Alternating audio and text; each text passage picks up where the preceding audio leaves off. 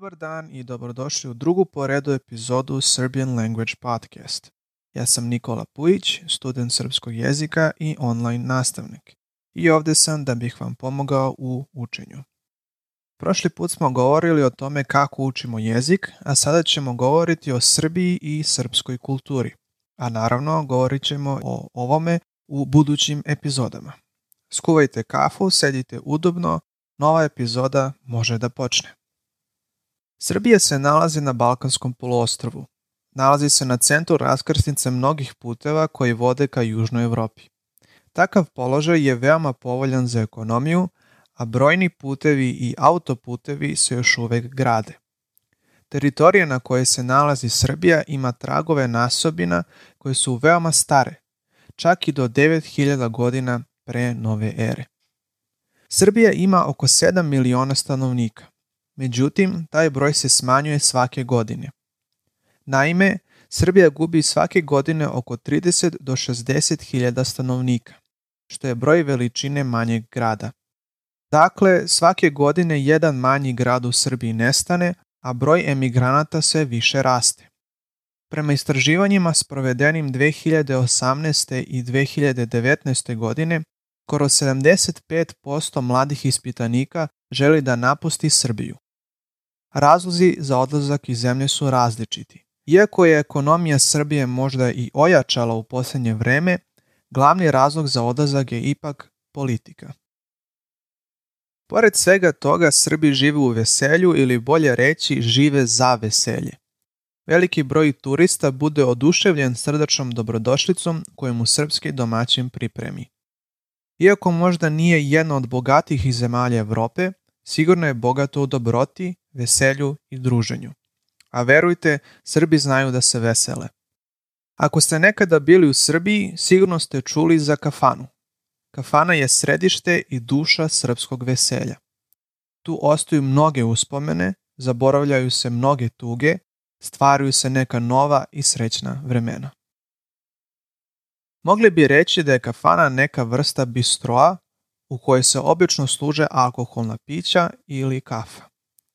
Najviše ljudi u kafani pije vino, a obično se posećuju uveče, petkom ili vikendom. U kafanama uvek ima dobrog društva i dobre muzike. Ljudi uglavnom idu sa prijateljima, a muzika je uživo i to je obično sastav od harmonike, gitare, kontrabasa, tambure ili violine. Postoji specifična vrsta muzike koja se sluša u kafanama. Starogradska muzika. Ova vrsta muzike nastala je početkom 20. veka u Srbiji, a njeno ime samo otkriva značenje Stari grad ili muzika Starog grada. U to vreme centar dobrog provoda bio je Beograd, tačnije Skadarlija. Stara Skadarska ulica se i dalje nalazi na istom mestu, i dalje je živa kao u ono vreme. U većini je zadržala duh i izgled starog vremena. Stara kaldrama vodi ka punim kafanama sa obeju strana ulice, a muzika se preliva sa jednog mesta na drugo i tako se meša među ljudima. U tim kafanama, starim i po više od 100 godina, nekada su boravili slavni srpski pesnici romantizma, kao što je na primjer Đura Jakšić. Kad smo već kod provoda i muzike, Srbija ima veoma buran i živ noćni život. Većina mladih skoro svakog petka, subote i nedelje ide u provod.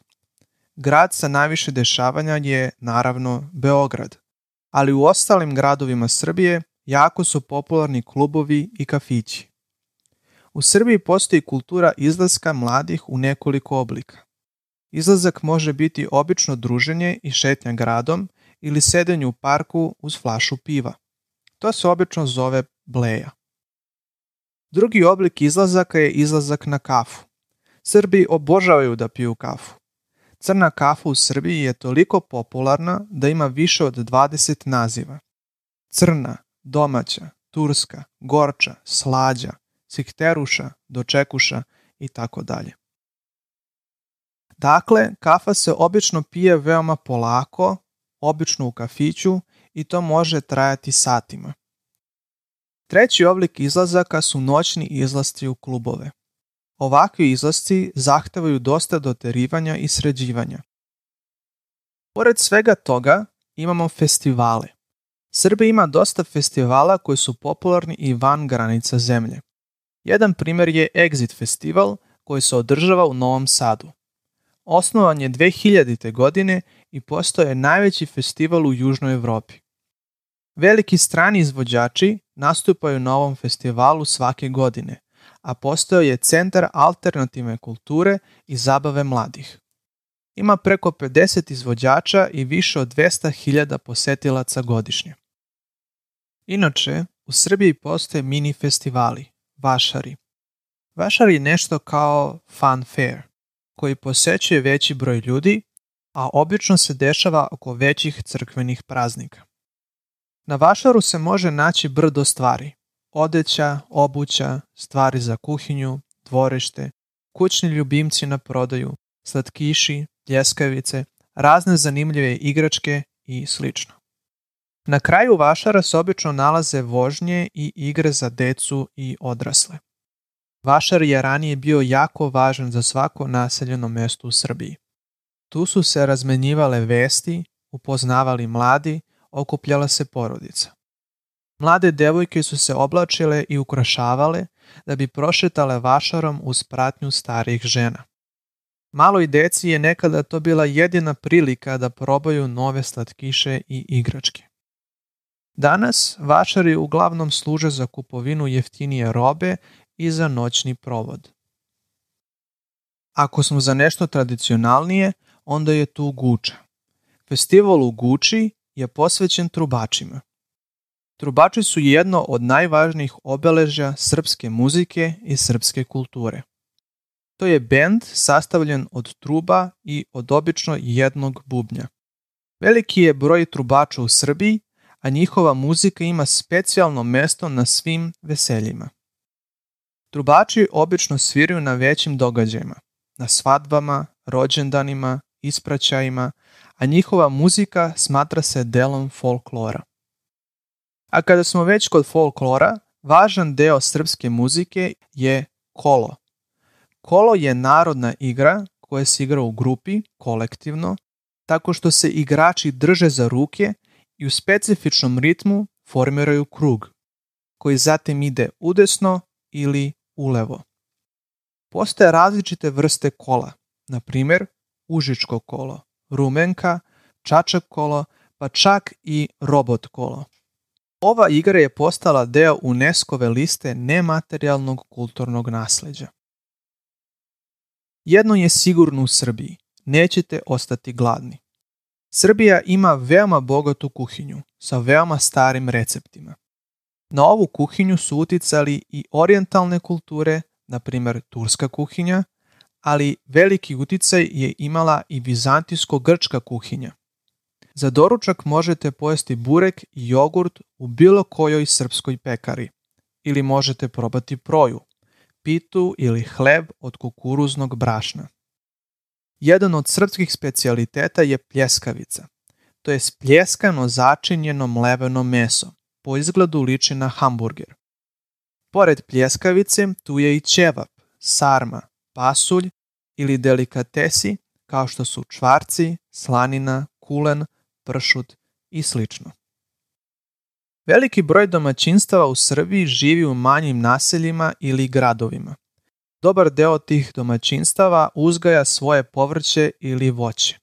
Srbi su veoma ponosni na svoje poljoprivredne proizvode, a svako zna da je uvek ukusniji paradajz iz bakine bašte nego paradajz iz prodavnice.